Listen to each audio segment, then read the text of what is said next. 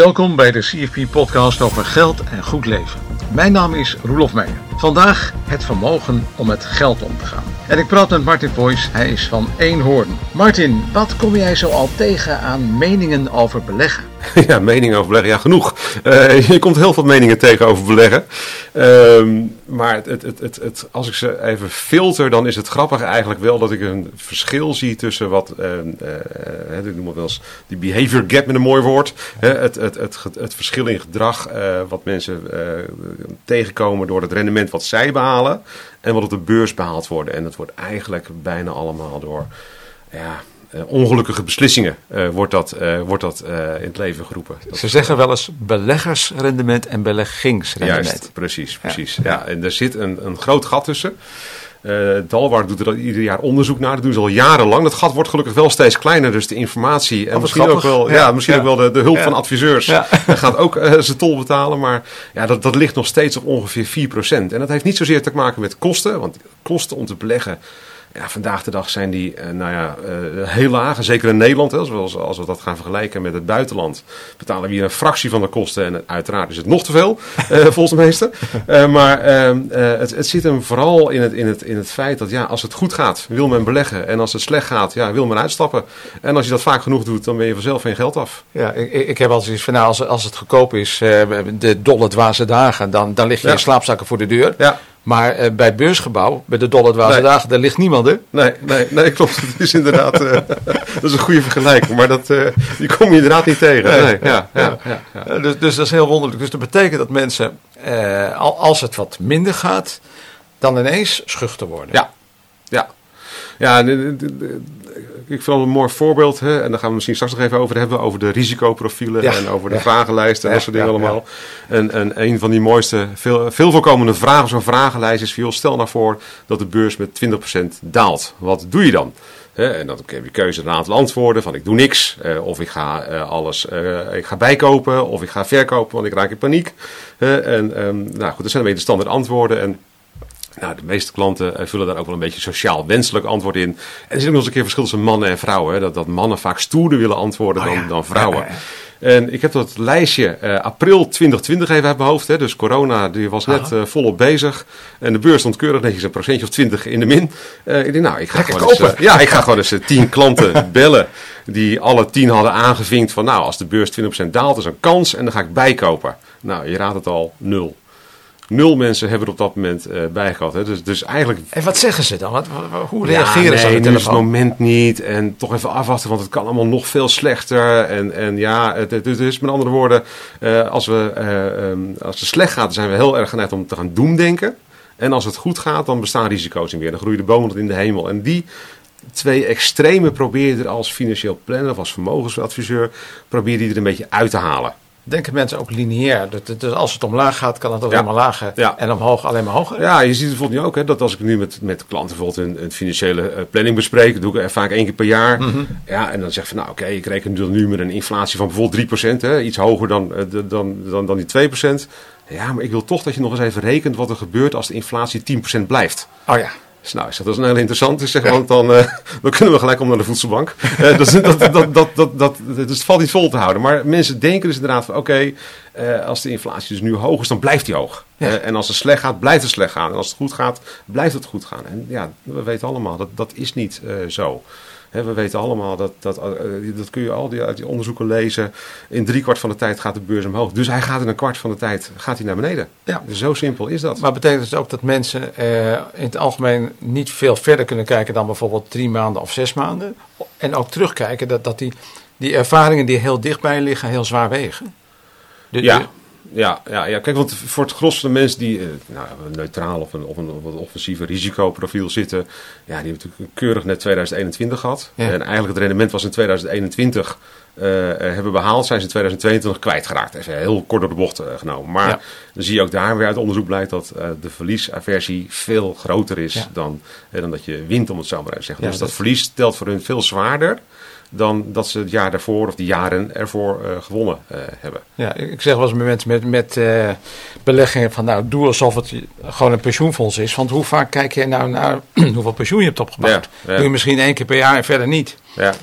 En dat zijn de beste resultaten vaak. Ja, ik, ik, ik, geloof dat Fidelity dat ooit heeft, uh, eens heeft onderzocht uh, naar hun top drie uh, categorie beleggers. En dat waren in willekeurige volgorde vrouwen, want die hebben vaak veel minder de neiging om iets te doen. Ah, ja. dat waren mensen die hun inlogcodes kwijt waren geraakt. en de derde categorie was mensen die al overleden waren. Dus klanten die al overleden waren. Ah, ja. Dus met andere woorden, hoe minder je doet, hoe beter het is. Dat het pharma, hè, die, eh, die, die, die Nobelprijswinnaar ooit zei van uh, uh, geld is net als zeep. Hoe vaak je eraan zit, hoe sneller het weg is.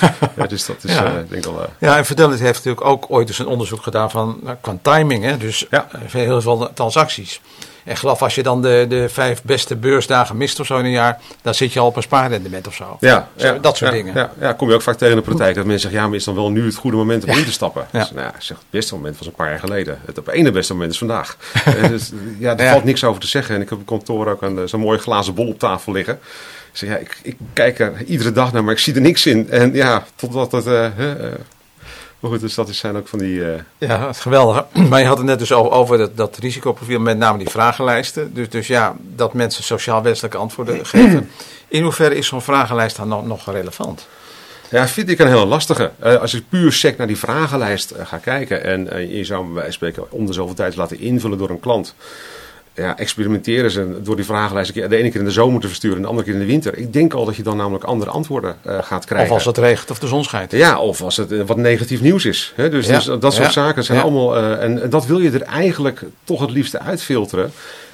Want het zou betekenen dat je iedere keer, bij wijze van je hele beleggingsportefeuille uh, omver moet gooien. Als iemand denkt van ja, maar ik heb gisteren het nieuws gezien en uh, nu is er een uh, energiecrisis en inflatie is hoog en, en Silicon Valley Bank en noem het allemaal op. Hè. Dus, dus dat zijn wel hele gekke dingen dat als je probeert te achterhalen van ja, wat is iemand nu en voor, voor type mens. Hè, dus wat, wat, wat zou bij hem passen qua qua, qua risico, dat het dan een, een, afhankelijk is van het moment waarop je het vraagt.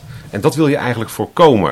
En er zijn natuurlijk initiatieven als uh, persoonlijke financiële stijl en financial DNA. Ja. Uh, ja, uitstekende initiatieven, maar dan mis je soms ook weer net een beetje die vertaalslag naar het, het beleggen en, en hun financiële planning toe. Uh, ja, eigenlijk als, ik, uh, als, je, hem, als je hem plat slaat, is het uh, op zich uh, het, het, misschien wel het meest veilige om het beleggingsprofiel te laten aansluiten op de financiële planning. Wat, Want, wat, wat, wat, bedoel je daarmee? Ja, je kunt natuurlijk op een gegeven moment, als je met een financiële planning bezig bent, dan kun je, kun je vrij goed inzichtelijk maken van joh, wanneer heb je welk deel van je vermogen waarvoor nodig. en, dus, dus verschillende looptijden eigenlijk. Ja, dus kijk, en ik ben een zeiler en, en, en zeilers zeggen wel eens van hij die de tijd heeft, heeft altijd mooi weer. Dus met andere woorden, als ik vandaag niet hoef te zeilen en ze winkel achter, nou, dan wacht ik toch een dagje of twee dagen en, uh, tot het mooi weer is. Ja. Uh, en dat is hetzelfde met, uh, met, met, met, met beleggen. Als ik een, een lange beleggingshorizon heb, van pak een beetje tien jaar of langer, mm -hmm. ja, moet ik dan überhaupt wel defensief gaan beleggen? Dus stel voor, ik vul zo'n beleggingsprofiel in en er komt zo'n lijst in en er komt defensief belegger uit. En uit de financiële planning blijkt van ja, maar dat geld heb je de komende 10 of 15 jaar niet nodig. Ja, wat, is, wat is belangrijk? Wat is, wat is, dat, dat zijn worstelingen. Dus we ik neig toch altijd wel een beetje naar die financiële planning. Ook om, een beetje uit ervaring. Omdat ik weet dat als mensen met een kortere horizon aan het beleggen zijn. Mensen meer het nieuws volgen, er meer mee bezig zijn. En ook meer het gevoel hebben, ik moet iets. Ik, ik moet met al dat nieuws wat ik hoor Hè, wat vaak, nou ja, zeg maar even grosso modo, negatief is ingestoken. Hè. Bad nieuws zelfs. Uh, ik moet wat met het nieuws. En ik merk dat de groep beleggers... Uh, uh, die denken, ja, maar ja, Martin heeft gezegd 10 jaar, 15 jaar, ik heb het gewoon niet nodig. Dus eigenlijk, ik gooi mijn inlogcodes weg, bij wijze van spreken, die categorie. Ik kijk er niet naar. Ja, die halen dus, die komen dus automatisch meer in de buurt van het beleggings rendement. En de groep die denkt ik moet wat, ik moet wat. Ja, die gaat wat meer richting het beleggersrendement. En dat is lager. Wat jij nu eigenlijk schetst vind ik wel interessant. Want dat betekent dat, dat je zegt van nou die emotie is, is, is een groot, uh, grote vijand. Ja. Die uh, vragenlijsten uh, die, waarvan je nu een voorbeeld aanhaalde. benadrukt die emotie en eigenlijk laat je dus met die vragenlijsten mensen de emotie eh, benoemen en ook leidend maken in de belegging. Terwijl wat jij er nu uithaalt, is juist de emotie. Je zegt, je gaat naar looptijden. Ja, het klopt. En dan, dan kijk, we zeggen, wij denken altijd, hè, de homo economicus, wij zijn rationeel. Maar dat zijn we helemaal niet. We zijn hartstikke emotioneel. Ja. Ja. En uh, het, het voordeel van die manier naar kijken indelen van vermogen. Hè? Dus uh, zeg van oké, okay, ik heb een deel van vermogen heb ik misschien tussen 5 en 10 jaar nodig. Ja. Dan zou je wat voorzichtiger kunnen beleggen en langer dan 10 jaar wat offensiever. Dat maakt het uh, rationeel. En ik merk in de praktijk dat mensen, als je ze die, in die stappen meeneemt, dat ze het volkomen logisch vinden dat ze zeggen: Oké, hey, dat is mijn spaargeld. Dat ja. is inderdaad een stukje daarvoor. Ja. En dat is een stukje daarvoor.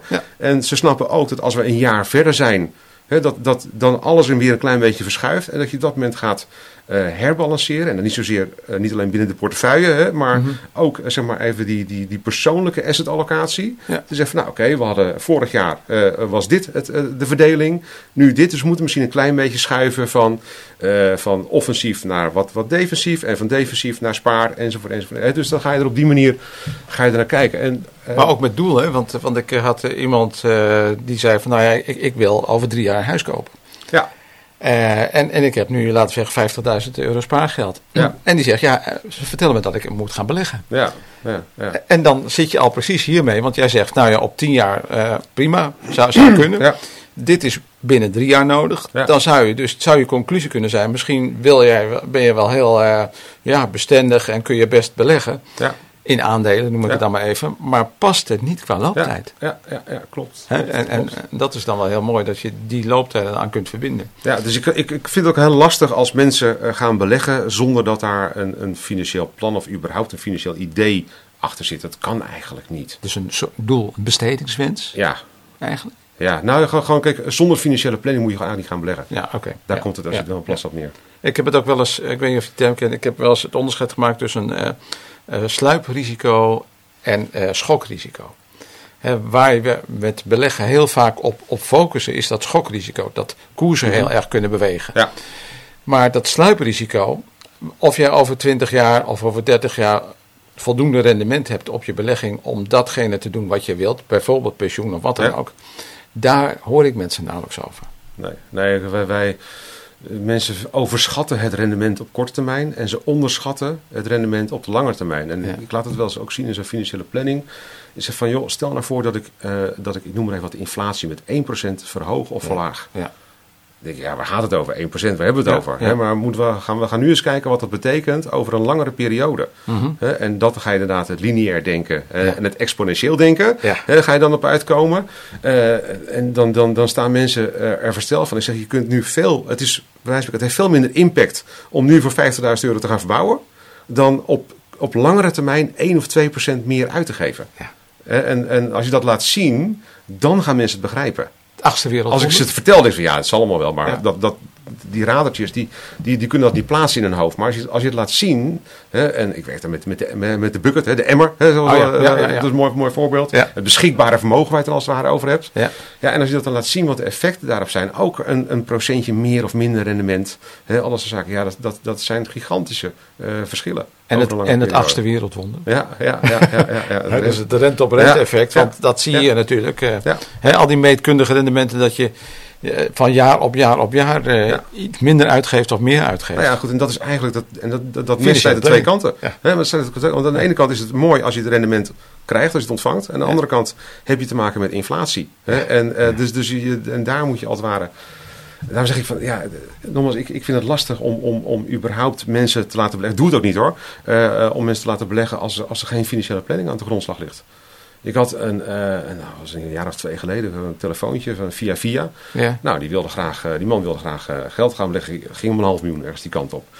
En dus ik zei, ja, ik zeg, maar goed, ik zeg, wat verwacht je nou dat ik doe? Ik zeg, dat ik je online, ik zeg, je hebt nooit gezien, dat ik je online een formuliertje, reken- een rekening aan het openen en het geld storten. Ja, dat was eigenlijk wel een beetje wat hij eh dacht. Ja, maar goed, zeg, zo doen we dat niet. Hè? Dus uitgelegd van, joh, je komt eerst langs, gaan we eens even kijken hoe of wat. Hè? En, en, hè? Dus dan ga je op die manier die financiële planning aan. En dat hoeft helemaal geen plan te zijn van 30 pagina's. Hè? Dat, is, dat kun je vrij snel kun je dat inzichtelijk maken. Nou, met veel vijf en zes wilde hij langskomen, want eigenlijk had hij er geen zin in. Eh, En dan blijkt dus dat ja, van die vijf ton die hij had, hebben we uiteindelijk maar iets meer dan twee ton belegd. Want die man die is net zijn vrouw, was net zijn vrouw verloren, heeft zijn bedrijf eh, verkocht, eh, was 60 jaar, moest in ieder geval nog een jaar of 6, 7 overbruggen tot hij wat AOW ging ontvangen. Zijn hypotheek was afgelost. En dan zie je dus alweer, als je dan gaat rubriceren, ja, dan is er een heel groot deel van het vermogen, heeft hij dus binnen nu een paar jaar nodig. Ja. En dan, ik weet zeker, als ik hem een risicoprofiel had toegestuurd, een vragenlijst, offensief belegger. En dan was het heel anders uitgepakt. Want als het dan even misgaat, dan denk ik dat, had hij weer aan het weg Dan denk ik vorig jaar een ander gesprek met hem gehad. ja, nou, en nu zegt hij van ja, nee prima joh, kijk er niet eens naar. Maar dan weet ik zeker dat als hij dat geld vorig jaar nodig had, was het een duur jaar geweest voor hem. Ja. Want als je moet verkopen in, in zo'n jaar dat de rendementen uh, niet zo heel best zijn. Ja, dat moet je dus niet willen. Ja. Nee. Ja. Goed, wat, wat is nou de voornaamste les die je hieruit leert? Financiële planning doen? Ja, ja, ja kijk, en, maar maak daar ook niet een heel ding van. Dus met andere woorden, je kunt ook uh, financiële planning op maat geven. Dus je kunt uh, dat is een beetje die 80-20 regel. Je, kan, je kunt enorm veel tijd uh, kwijt zijn om de laatste puntjes op de i te zetten. Maar voor veel mensen is het meer het verhaal van: oké, als je in basis plat slaat, is de financiële planning. Je hebt een startvermogen, je hebt inkomsten en uitgaven. En dan zie je op een gegeven moment wat een vermogen gaat doen. Stijgt het of daalt het op een gegeven moment. En als je dat dat kan je met een, als je een beetje handig bent, kun je dat echt binnen een uurtje of twee, kun je dat inzichtelijk maken voor een klant. Ja, je kunt het geen heel verhaal beschrijven, maar dat hoeft ook niet. En, en grafieken werken ook vaak goed, hè? Precies, precies, juist dat. Juist dat. Dus, dus ik heb, je kunt veel beter één grafiek uitprinten dan een heel rapport eh, van mensen. En ik weet, ik weet ook niet of financieel planners zijn die zeggen, ja, maar dit, dat, ja, het, het zal. maar de vraag is hoeveel energie je erin, erin wil steken. Want de meeste mensen zullen bij een rapport van 40 pagina's afhaken. Die zeggen, joh, laat maar, het is te duur of ik doe het niet. En dan heb ik liever dat een uh, dat je een relatie met zo'n klant begint met hem een, stukje de goede kant op duwen. Hè, en, daar, en blijven de goede kant op blijven duwen. In plaats van één keer zeg je hier heb je rapport en uh, succes ermee. Hè, dus dat is, ja, dat, dat, is, dat is mijn insteek. En ik merk dat dat bij de meeste klanten uh, die ik heb, ja, dat is logisch. ook prima van, anders zou het geen klant zijn. Uh, ja, want er is, er is ook een klik met jou en jouw visie. Dus ja. Ja, ja, ja. ja. En, en, en, nogmaals, ik ben niet de financiële planner voor iedere klant. Hè. Uh, dus zo simpel is het ook weer. Als iemand ja. wel behoefte heeft aan, aan een uitgebreid plan met, met 26 bijlagen, ja, prima, fantastisch. Maar dan moet hij niet bij mij zijn. Ja. Dus ik denk dat dat ook heel belangrijk is, dat je daarin als, voor jezelf ook heel belangrijke keuzes maakt. Voor, joh, wat voor financieel planner uh, wil ik op dit gebied zijn? Wil ik inderdaad in die details zitten? Prima, doe je dat. Uh, en wil je dat niet? Ook goed. Het een is niet beter dan het ander. Het is geen waardeoordeel. He, dus, dus dat is, uh, het is een, een manier van werken. Ja, ja mooi. Nou, dankjewel voor jouw inzicht. En, ja, graag gedaan. Martin Voice van Eenhoorn. En tot zover de CFP-podcast over geld en goed leven. We hadden het over vermogen. En ik praatte met Martin Voice van Eenhoorn. Graag tot de volgende keer.